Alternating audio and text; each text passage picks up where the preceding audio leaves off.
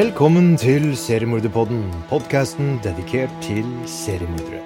Hvem de var, hva de gjorde og hvordan.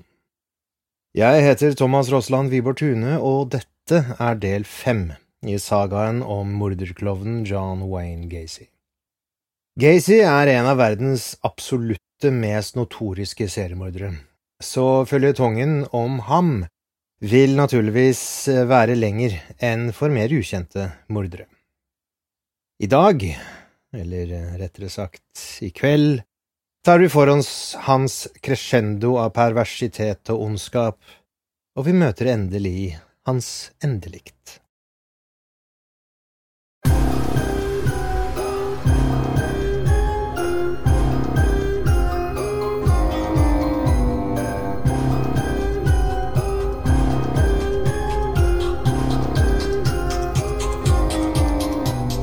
I 1975, etter mordet på Butkovic, ble Gacy endelig utnevnt til sin første politiske stilling.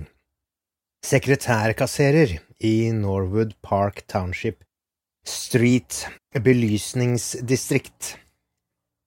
Det var ikke mye prestisje tilknyttet stillingen, bare veldig mye arbeid. Gacy tok seg av regnskapet for belysningsdistriktet betalte regningene, gjorde alle sekretæroppgavene, svarte på klager og fikk installert gatelys der det var behov for det. Så snart Gacy tok over jobben, fant han ut at ingen noen gang hadde tenkt på å nummerere gatelyktene. Hvis et lys gikk ut, så ville folk ringe og prøve å beskrive hvor det var, noe som førte til misforståelser og rot. Gacy satte en nummerert boks på hvert lys og hadde et kart på kontoret sitt. Folk kunne ringe inn og si Nummer 21 har sluknet, og Gacy ville da nøyaktig kunne si hvor det lyset var. Han var den beste tillitsvalgte lysdistriktet noen gang hadde hatt. Jobben betalte 25 dollar i måneden. Et år eller to senere belønnet Det demokratiske partiet Gacy for alt hans uselviske arbeid, og han ble utnevnt til demokratisk distriktskaptein for det 21. distriktet Norwood Park Township. Da det var valgkamp, var Gacy en dynamo. Han gikk fra dør til dør og fikk folk til stemmeurnene. Han spurte folk hva lokalpartiet kunne gjøre for dem, eller, hvis det var en liten ting, hva Gacy selv kunne gjøre. Det var også i 1975 at Gacy ble utnevnt til direktør for Chicagos årlige parade for den polske grunnlovsdagen, som ble arrangert av den polske nasjonale alliansen. Han ble anbefalt for jobben av Jack Riley, direktør for spesielle arrangementer for Chicago under den demokratiske ordføreren Richard Daly. Gacy ble anbefalt til stillingen på grunn av den ryddige, nesten militære måten han hadde regissert juledagsparaden i Springfield i 1964, og på grunn av sin tjeneste for partiet i regi av Democratic Day-paradene et tiår før, under State Fair i Springfield. Det var en hodepine å lede den paraden, men når Gacy ga dem beskjed om at han var sjefen, gikk ting som smurt. Gacy organiserte paraden ned til den minste detalj, og det var bare han som visste nøyaktig hvilken paradeflåte som skulle stå hvor, og i hvilken rekkefølge. Som alltid brukte han stillingen for å skaffe seg politisk kapital og innflytelse.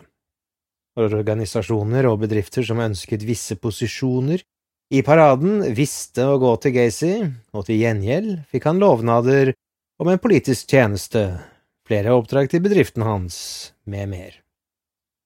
Og så var det politikere. De strømmet til paraden som fluer på avføring. Alle som ønsket å stille til valg i Chicago, var dumme hvis de ignorerte paraden på den polske dagen. Politikere som ønsket en favorisert posisjon, alle som ønsket å se spesielt bra ut for de viktige polske velgerne, de måtte snakke med Gacy. Han kjente dem alle. Året 1975 var også da John Gacy ble klovnen Pogo, en velgjører som kledde seg ut som en eh, tulling slik at alle kunne se med et øyekast at han var en mann som gav av seg selv til fordel for andre. For gammel for JCs hadde Gacy da sluttet seg til herreklubben Moose Lodge nummer 368 i River Grove. De hadde Jolly Joker klovneklubb, og det var bare fem eller seks klovner i den, som opptrådde for barn i påsken, julen og halloween. Det ville være så mange som 600 barn på disse Moose Lodge-sponsede festene, og Gacy kunne umiddelbart se at de trengte en ny Jolly Joker-clown. Gacy fikk laget et kostyme til seg selv og laget sin egen sminke. Han opptrådde sammen med de andre Jolly Jokers på feriefestene og besøkte sykehus, noen ganger så ofte som to ganger i måneden. Han elsket å muntre opp syke barn. Lammede barn, barn med ryggmargsskader, psykisk og fysisk funksjonshemmede, barn som ikke ble tatt med på sirkus, og som aldri ellers ville se en klovn i levende live. Dessuten opptrådte han i mellom 15 og 20 parader i løpet av sommeren, alt uten å kreve pengebetaling. Gacy var faktisk en god klovn. Han forberedte seg på oppdragene og planla underholdningen. Han brukte flere tohåndsdukker som viste seg å være populære blant barna. Dukkene var profesjonelt laget, veldig realistiske, og den lille skunkdukken var den som fikk barna til å le mest. Gacy kunne få de mest sjenerte barna til å snakke med den pipstemmede lille skunken. Gacy hadde også en gummikylling han brukte. Gacy forsto at pogo var et beroligende middel for ham. Da han var pogo, følte han seg som i en annen verden. En klovn gjør ingenting annet enn for å leve for andre, som en prest eller en politimann, bortsett fra at en klovn ikke redder liv eller sjeler, han får bare andre til å le. Noen ganger er det nok for en mann, noen ganger er det å få andre til å le en måte å redde sitt eget liv eller sin egen sjel på. Gacy omtalte klovnekarrieren sin som følger, og jeg siterer. Pogo var en måte å flykte fra meg selv på. Jeg likte å gjøre folk glade.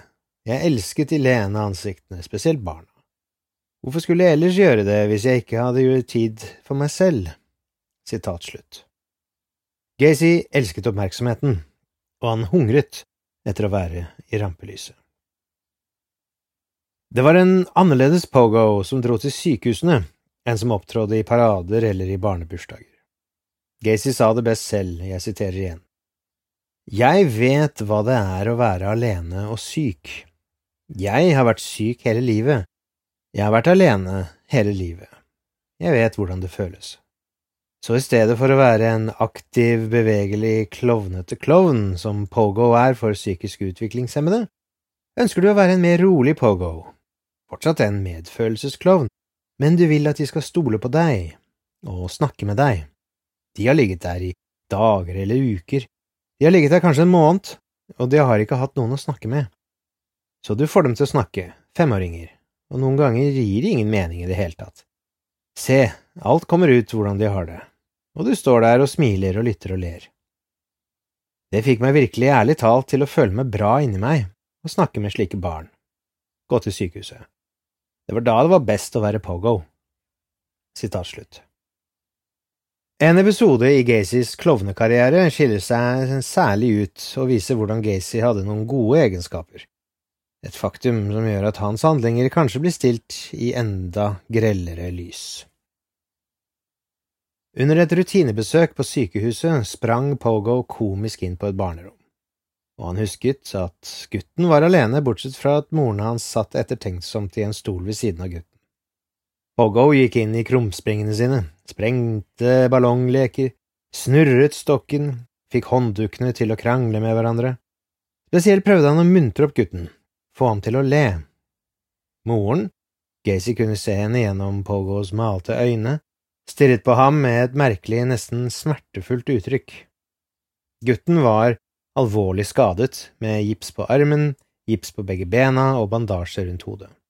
Pogo snurret rundt, ga gutten noen ballonger og begynte så å snakke med ham, med Pogos klønete klovnestemme, og prøvde å få ungen til å åpne seg og føle seg mindre ensom og mens Pogo tøyset og laget ballongdyrene, mens den unge gutten smilte og begynte å le. Da la Gacy merke til at morens øyne hadde blitt våte, og at tårene trillet fritt nedover kinnene hennes. Plutselig reiste hun seg og gikk raskt ut av rommet. Gutten var fokusert på Pogo. Han la ikke engang merke til at moren gikk. Gacy underholdte som Pogo ytterligere noen minutter, så forlot han gutten og lovet at han ville komme tilbake og se ham igjen snart. Guttens mor sto i gangen og tørket øynene med et lommetørkle. Og Gacy måtte gjøre en vanskelig ting. Han måtte slutte å være Pogo og være en annen. Han måtte være John Gacy, en seriøs, medfølende mann som tilfeldigvis var kledd som en klovn. Nølende sa Gacy at han håpte han ikke hadde fornærmet henne, han hadde bare forsøkt å… Kvinnen avbrøt ham med et smil og sa, og jeg siterer, Å nei, tro ikke det. Det er bare det at gutten min har vært her i seks uker siden det skjedde, og herregud, dette er første gang jeg har sett ham smile. Sitat slutt. Når man ser bilder av Gacy utkledd som Pogo the Clown i dag, fremstår klovnesminken grov og skummel. Men dette skyldes naturligvis at vi i dag vet hvilke grusomme gjerninger som skjulte seg bak klovnemasken. Stephen King, verdens fremste skrekkforfatter, ble inspirert av John Wayne Gacys Pogo the Clown da han lagde monsteret It, et monster utkledd som en klovn som lurer barn ned i kloakken for å bli spist levende. Gacy spiste nok aldri sine ofre, men han jaktet på unge gutter og lurte de med seg og begravde de ved siden av sine egne kloakkrør. Året 1976 var et blodig år for Gacy. Det første kjente offeret det året var Daryl Sampson, sist sett i live 6. april. Fem uker senere, 14. mai, forsvant Randall Reffett. Samme dag forlot en 14 år gammel gutt ved navn Samuel Stapleton søsterens sted for å gå hjem. Hjemmet var et kvartal unna, og klokken var 23 om kvelden. Sam Stapleton og Randall Reffett, som forsvant samme dag, ble funnet gravlagt sammen i en felles grav under huset på 8213 Summerdale. Det så ut som de var blitt drept samme natt. Liket av William Carroll, som forsvant bare 27 dager senere, 10. juni 1976, var det 22. liket som ble gravd opp fra krypkjelleren under huset på Summerdale. Mindre enn to måneder senere kom 18 år gamle Rick Johnston aldri hjem fra en konsert på Aragon Ballroom i Uptown-området. Gacy hevdet selv at han ikke husket hvordan disse guttene ble drept. Han hadde vært for full. Så var det desember samme år, og Gacy husket noen av hendelsene som førte til at Gregory Godsix døde. Gacy hadde en erindring om Godsick, og hadde en viss kunnskap om døden til John Jyck, som forsvant en måned senere, 20. januar 1977. Gacy kunne nesten bringe tilbake øyeblikket av tauet han strammet rundt halsen på de to guttene, men han så det bare vagt. På den måten en mann husker de skarpe, skjærende kantene til et vondt mareritt, en av drømmene der du våkner svett av redsel, men ikke virkelig kan huske redselen. Det var nesten som om han hadde vært vitne til en del av et par drap som noen andre begikk. Han kunne se for seg guttene i live i huset hans, og så ble det veldig tåkete i flere timer, og om morgenen så fant han de døde. Dette var i hvert fall slik han forklarte seg til psykiatere og politi. John Prestige, en tyveåring fra Kalamazoo, Michigan, ble drept en gang i løpet av 1977. Matthew Bowman, 19, forsvant 5. juli samme år. Robert Gilroy, 18, døde sannsynligvis dagen han forsvant, 15. september. Gilroy eide ikke bil, og haiket til et sted kalt Blue Ribbon-stallen for å drive litt hesteridning da han forsvant. Bare ti dager senere forsvant en 19 år gammel ekssoldat ved navn John Maury. Russell Nelson ble uteksaminert på rektors æresliste i den lille byen Cloquet, Minnesota. Han gikk på University of Minnesota, og som 21-åring eh, planla han å gifte seg. Han og forloveden hadde allerede valgt navn til deres fremtidige barn, men den 17. oktober forsvant Russell etter å ha vært på besøk hos noen venner i Chicago. 16 år gamle Robert Winch, som hadde rømt hjemmefra, forsvant 11. november samme år. Nøyaktig en uke senere forsvant 20 år gamle Tommy Bailing. Han hadde en kone og en babygutt som ventet på ham hjemme. Den 9. desember forsvant David Talsma, 19 år gammel og akkurat ferdig med rekruttskolen. Han bodde hjemme i påvente av å bli utstasjonert. Han hadde fortalt moren sin at han skulle på en rockekonsert. Han også endte opp i den våte gjørmen under Gesis hus. 6. januar 1978 kjørte Chicago-politiets etterforsker Ted Janus som jobbet med draps- og sexkriminalitet i område 6 på nordsiden av byen, i nærheten av huset ved 8213 Summerdale. Han oppdaget Oldsmobilen i oppkjørselen og noterte lisensnummeret. PDM 42. Janus parkerte ved fortauskanten. Motoren gikk, og lysene var slått av mens han etterlyste en reserveenhet. Plutselig kom en tjukk mann ut av huset, gikk inn i den store svarte Oldsmobilen og begynte å rygge ut. Janus satte sin egen bil i gir og sperret oppkjørselen. Han gikk ut av bilen, ba mannen i bilen om å legge hendene på dashbordet, og arresterte ham for kidnapping og avvikende seksuelle overgrep. Mannen, John Wayne Gacy, lyttet til Janus lese rettighetene hans. Så sa han at han ikke visste noe som helst om noe kidnapping, og inviterte etterforskeren inn i huset for en drink. I stedet tok Janus Gacy med til politihovedkvarteret, hvor de gikk inn i et intervjurom. Gacy ble igjen informert om rettighetene sine, og gikk med på å snakke. Gacy mente han ikke trengte en advokat. Det som hadde skjedd uken før, tidlig på morgenen den 31. desember, forklarte Gacy, var at Robert Donnelly, denne 19 år gamle ungen som hadde anmeldt Gacy, gikk langs Montrose Avenue litt etter midnatt. Gacy stoppet, tilbød gutten skyss, og mens de kjørte, ble det gjort avtale om kjøp av seksuelle tjenester. Det de to ble enige om, ifølge Gacy, var en slags slaverisexting, slaveriseksting, og Donnelly hadde vært med på det. Det Gacy omtalte som slavesex, fant sted inne i huset på Summerdale. Gacy sa at de bandt hverandre med håndjern og lenker, og begikk forskjellige seksuelle handlinger ved å bruke lenker og dildoer. Robert Donnelly tok en dusj, og Gacy kjørte ham på jobb, og Gacy mente at det var slik gutten hadde fått tak i bilen hans sitt registreringsnummer. Grunnen til at gutten anmeldte Gacy var veldig enkel, ifølge Gacy. Han hadde lovet å betale gutten for sexen, men dette løftet brøt han, og i stedet hadde han ikke betalt gutten en eneste cent. Gacys historie var selvfølgelig bare løgner, som så meget annet i livet hans. Det som faktisk hadde hendt, var langt mørkere. Janus hadde intervjuet offeret tidligere, dagen etter hendelsen, da guttens håndledd fortsatt var hovne fra håndjernene. Donnelly forklarte da hvordan Gacy hadde utgitt seg som en politimann og trukket en pistol for å få ham inn i bilen, der han umiddelbart ble satt i håndjern. Det var aldri snakk om penger. Donnelly var verken en hore eller homofil. Da gutten ble brakt inn i huset til Gacy og dyttet ned i en sofa, kastet Gacy en drink i ansiktet til gutten og helte deretter en drink ned i halsen hans. Så ble gutten voldtatt på forskjellige smertefulle måter. Gacy bandt noe, Donnelly kunne ikke se hva det var, rundt halsen hans og kvalte ham.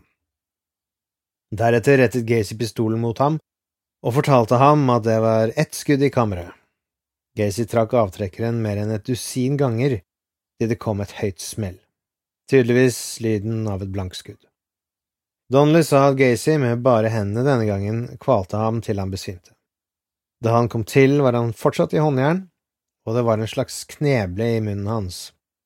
Hodet hans ble så stukket ned i et badekar med vann til han besvimte. Gacy hadde holdt hodet til Donnelly under vann og nesten druknet ham fire ganger. I timevis, hele natten, hadde Gacy holdt den unge mannen på dødens rand. Mot slutten var Donnelly i så mye smerter at han tryglet Gacy om å drepe ham. Etter timevis med uutholdelig tortur og voldtekt virket det som om Gacy roet seg noe ned. Han hadde ejakulert svært mange ganger i løpet av natten, og det hele endte med at Gacy kjørte gutten tilbake der han hadde plukket ham opp, og forlot ham der. Hey, I'm Ryan Reynolds. At Mint Mobile, we like to do the opposite of what Big Wireless does. They charge you a lot, we charge you a little. So naturally, when they announced they'd be raising their prices due to inflation, we decided to deflate our prices due to not hating you. That's right. We're cutting the price of Mint Unlimited from $30 a month to just $15 a month. Give it a try at mintmobile.com slash switch. $45 upfront for three months plus taxes and fees. Promote for new customers for limited time. Unlimited more than 40 gigabytes per month. Slows. Full terms at mintmobile.com. Uheldigvis for Donnelly fremsto han for politiet som mindre troverdig enn Gacy. Saken bar preg av ord mot ord, og Gacy var en oppegående middelaldrende hvit mann med mange viktige venner og politiske kontakter. Gutten derimot stammet, han var ung og rufsete. Selv om Gacy hadde et kriminelt rulleblad, mente distriktsadvokaten at de ikke hadde nok bevis til å kunne ta ut tiltale. Natt til 21. mars 1978 forlot 26-årige Jeff Rignall kjæresten sin leilighet i Newtown. Rignall, som senere vitnet om at selv om han hadde seksuelle forhold med kvinner, foretrakk han menn, var den typen stolt, uforskammet, homofil mann Gacy kalte, og her siterer jeg, en soper. Rignall hadde nettopp kranglet med kjæresten sin om forholdet deres, og han gikk ut for å ta en drink. Da Rignall begynte å gå, kom en svær, sort Oldsmobil med spotlights og antenner inn i en innkjørsel og blokkerte veien hans. Det var en kald natt, men vinduet ble rullet ned, og sjåføren, Gacy, klarte å sjarmere Rignall blant annet fordi han var i ferd med å fyre opp en diger joint. Ringnall regnet med at mannen ville tilby ham noen trekk på veien, så han gikk rundt bilen og la merke til et tilpasset nummerskilt, tre bokstaver og to tall, for å komme inn på passasjersiden. Sjåføren virket vennlig nok, og Ringnall regnet ham for å være en av de stakkars forstadsgutta med kone og barn, en fyr som ikke kunne innrømme sine homoseksuelle tendenser, og som cruiset i Newtown i mørket på jakt etter sex. Det var trist hvordan noen av disse gutta gjemte seg i skapet. De kom inn på de homofile barene, og de var nesten patetiske i deres forsøk på å passe inn. Sjåføren snakket om eiendommen hans i Florida, bare en vanlig samtale, og han ga jointen til Rignall, som tok noen dype trekk før han gav den tilbake. De kjørte mot baren de hadde avtalt, og da Rignall snudde seg for å akseptere et nytt trekk fra jointen, ble han slått i ansiktet med en våt klut. Kloroform, en tung, giftig væske med en eterlignende lukt, kan brukes som generell anestesi. Det er også et godt løsemiddel som entreprenører bruker i rengjøring av bygninger som skal ombygges. Gacy hadde et godt lager som han sørget for å alltid ha tilgjengelig. Da Rignall våknet til, fant han seg fastspent til setet sitt. Sjåføren la fillen over Rignalls munn og nese igjen, og han besvimte. En gang da han kom til bevissthet, la Rignall merke til et avkjørselsskilt som pekte mot Cumberland. Halvt bevisstløs kjente han hodet støte mot vinduet da bilen svingte til venstre av motorveien og inn på Cumberland. Da Rignall våknet, følte han at mannen bar på ham, Rignall kjente fillen igjen, og da han våknet, lå han på sofaen. Det var en bar i rommet, og et bilde av en klovn over baren. Små juletrelys blinket rundt bildet. Sjåføren holdt på å fikse en drink, og Rignall spurte hva den for ham ukjente mannen drev med. Gacy svarte, og jeg siterer, Det er en pistol under baren, og jeg vil like fort drepe deg som å se på deg. Sitat slutt. Mannen, Rignall kunne nå se at han var veldig feit, pæreformet, gikk mot sofaen og fyrte opp nok en joint. Han virket helt avslappet, og tilbød til og med Rignall et trekk. Den andre gangen han ble tilbudt et trekk, satte mannen seg oppå Rignall og satte kloroformkluten mot ansiktet hans igjen. Gacy slo ham i ansiktet og brakte ham til bevissthet igjen. Rignall var da blitt avkledd, og han ble holdt fast i en slags gapestokk. Det så ut til å være en flat treplate med tre hull i. Hodet hans var låst inn i hullet i midten av brettet, armene hans ble strukket ut til hver side og låst inn i hullene i hver ende av apparatet. Enheten så ut til å være festet til taket med kjettinger. Rignall kjente at føttene hans var låst fast, men han kunne ikke se hva de var festet i. Gacy sto foran Rignall og var kliss naken. Han onanerte, snakket hele tiden og gjorde det klart for Rignall at han hadde total kontroll over ham, og at han skulle gjøre hva han ville, når han ville, hvordan han ville, og at det var Gacy som hadde all makt. Rignall la merke til at mannens mave stakk utover kjønnsorganene. Fettfolder hang ned mot lårene, årer og strekkmerker dekket maven hans. På gulvet mellom Gacy og Rignall lå flere lange lærpisker.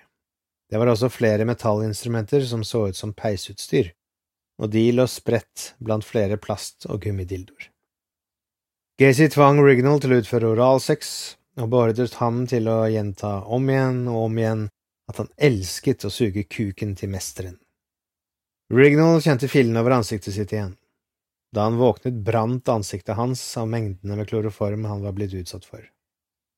Gacy plukket opp et av instrumentene, fortalte Rignall hva han skulle gjøre med det, og begynte å penetrere ham til Rignall viste tegn til smerte.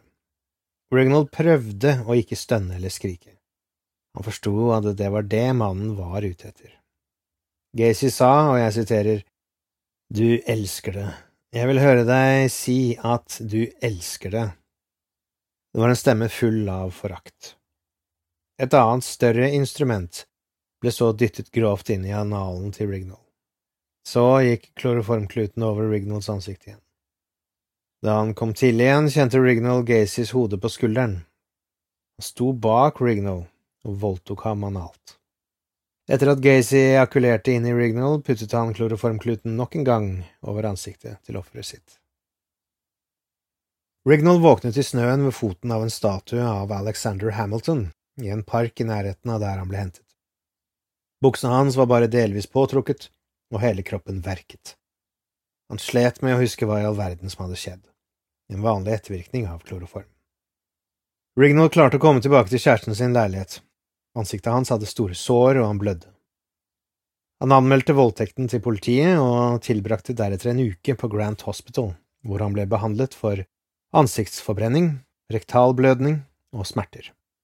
Senere oppdaget Rignall at kloroformen hadde alvorlig skadet leveren hans. Politiet fortalte Rignall at de ikke kunne gjøre noe med informasjonen han ga dem. Det var tusenvis av svarte biler med spotlights og tilpassede skilt i Chicago. Rignall ønsket imidlertid hevn.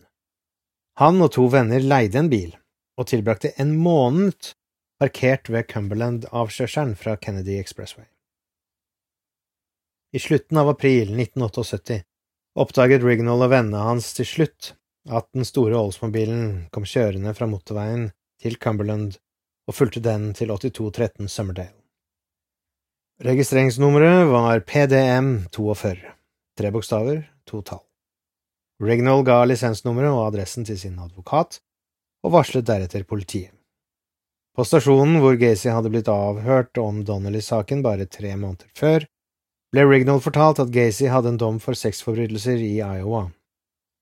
Etter to til tre uker fikk Rignall se gjennom flere bøker med bilder av kriminelle. Han identifiserte John Gacy så fort han så bildet av ham. Etter positiv identifikasjon møtte Rignall en konstabel og en assisterende statsadvokat som tydeligvis ikke trodde på historien hans. Da han begynte å komme inn på det fysiske aspektet av hva mannen hadde gjort, ble han ikke trodd. Nok en gang nektet en assisterende statsadvokat ved område 6 politistasjon i å sikte John Wayne Gacy for en forbrytelse.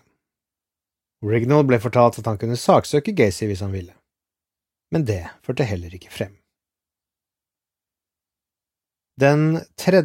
november ble Frank Landigan, en 19-åring som var kjent for å drive med narkotika og hallikvirksomhet, løslatt fra fengselet.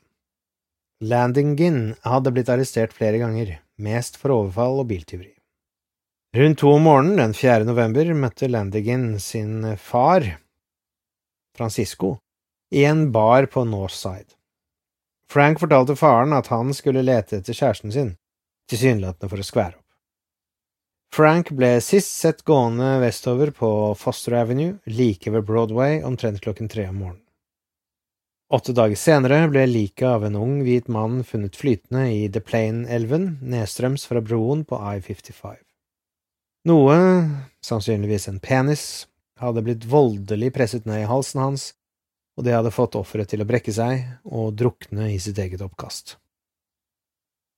Mindre enn tre uker etter at Frank forsvant, spiste en kort, brunhåret 21 år gammel mann fra forstaden Elmwood Park thanksgiving-middag med familien.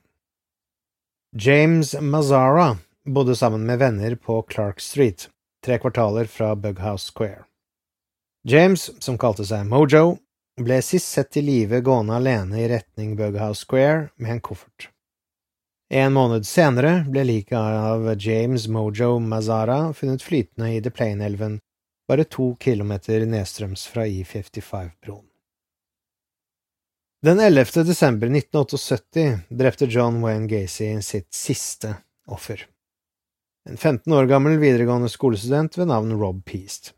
Gutten døde mellom klokken ni og ti om natten, og vitner som snakket med Gacy litt før drapet, sa at han verken var full eller på narkotika. Gacy tok til og med to forretningssamtaler mens gutten var døende, og mennene som snakket med ham på telefonen, sa at han virket rolig og rasjonell. Rob Peace var en elev ved Maine West High School. Han elsket skoger og elver, alle de ville stedene i Midtvesten. Han manglet to fortjenestemerker for å kvalifisere til eh, å bli ørnespeider, og han planla å tjene speiderens høyeste utmerkelse med et samfunnstjenesteprosjekt som innebar å rydde opp en del av The Plain-elven. Han var meget skoleflink, en lidenskapelig utendørsfotograf og medlem av Maine Wests gymnastikklag. Rob var en idrettsutøver i utvikling, en gutt av middels høyde med en gymnasts slanke, muskuløse bygning og smidige ynde. Han var en attraktiv ung kar med brunt hår og hadde en tendens til å date jenter ett eller to år eldre enn ham selv. Robs mor, Elizabeth, hentet regelmessig sønnen sin på skolen etter gymnastikktrening og kjørte ham til deltidsjobben hans på Nisson apotek i The Plains. Apoteket var bare åtte kvartaler hjemmefra, men Robs timeplan var så stram at moren hans vanligvis tok med seg en middag som han kunne spise i bilen på vei til jobb. Gutten jobbet nesten hver natt, og fylte ofte opp for andre ansatte når de ble sykemeldt. På bare fire måneder hos Nisson hadde han klart å spare 900 dollar, som han planla å bruke som forskuddsbetaling på en jeep. Med et firehjulsdrevet kjøretøy kunne Rob komme seg ut i villmarken oftere på fotosafari. Gacy møtte Rob i apoteket gutten jobbet i, og tilbød den kjekke gutten en godt betalt jobb. Etter å ha latt som han så etter apotekvare noen minutter forlot Gacy butikken og gikk og satte seg i bilen. Peast fulgte etter hvert etter. Gacy kjørte Rob hjem til huset sitt og tilbød ham noe å drikke, og kjørte så sitt vanlige spill, der han hintet om at Rob kunne tjene gode penger hvis han hadde sex med Gacy. Rob var overhodet ikke interessert i det. Han var kun interessert i en vanlig jobb som betalte godt. Etter det tok det ikke lang tid før Gacy klarte å lure Rob til å ta på seg håndjernene et triks han hadde brukt svært mange ganger og hadde god trening med. Da Rob hadde håndjernene bak ryggen, var det ingenting igjen av den joviale Gacy. Han tvang klærne av gutten og voldtok ham analt igjen og igjen, mens Rob hylte i redsel og smerte. Så dro Gacy ham inn på soverommet, hvor torturen og voldtekten fortsatte. Da Gacy følte seg passelig seksuelt tilfredsstilt, tok han et rep rundt halsen på gutten og strammet til. Tårene rant fra øynene til Rob mens livet ebbet ut og han tisset på seg.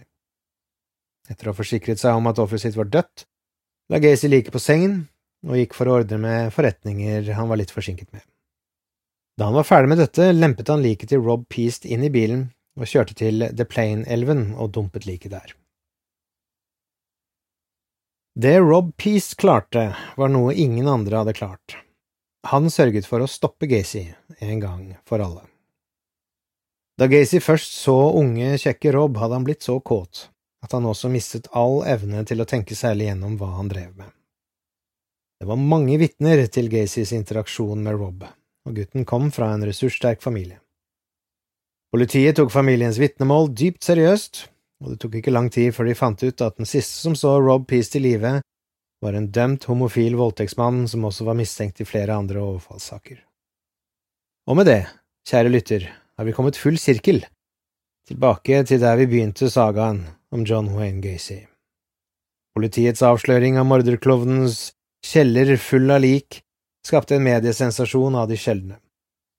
Det stygge og feite trynet til Gacy var på forsiden til aviser over hele verden.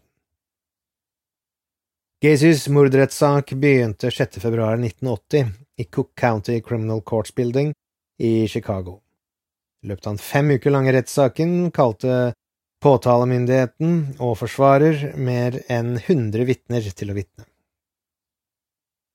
Forsvarsstrategien var å fastslå at Gacy var sinnssyk og ute av kontroll på tidspunktet for drapene. For å styrke denne påstanden stilte Forsvaret opp med psykiaterne som hadde intervjuet Gacy før rettssaken. Etter de avsluttende argumentene diskuterte juryen i bare to timer før de fant Gacy skyldig i drap på 33 mennesker. Den 13. mars 1980 ble Gacy dømt til å dø. Gacy ble fraktet til Minard fengsel i Illinois. Han ble der i litt over 14 år, til han ble fraktet til Statesville fengsel nær Joliet for henrettelse. 9. mai 1994 satte Gacy seg ned for sitt siste måltid – stekt kylling, pommes frites, Coca-Cola og jordbærkake. Polititjenestemenn beskrev senere oppførselen hans som pratsom. Like etter midnatt 10. mai 1994 ble Gacy henrettet med dødelig injeksjon. Gacys henrettelse var ikke en smertefri eller rask affære. En av injeksjonsledningene tettet seg, og i ti minutter måtte Gacy bli liggende og vente på at giften skulle begynne å flyte igjen. Det er mulig at denne forsinkelsen forårsaket det som er ganske vanlig for dødelige injeksjonshenrettelser i USA. Dopet som skal sørge for at fangen blir bevisstløs og helt bedøvet, varer kun en kort periode. Ofte går bedøvelsen ut før fangen er død.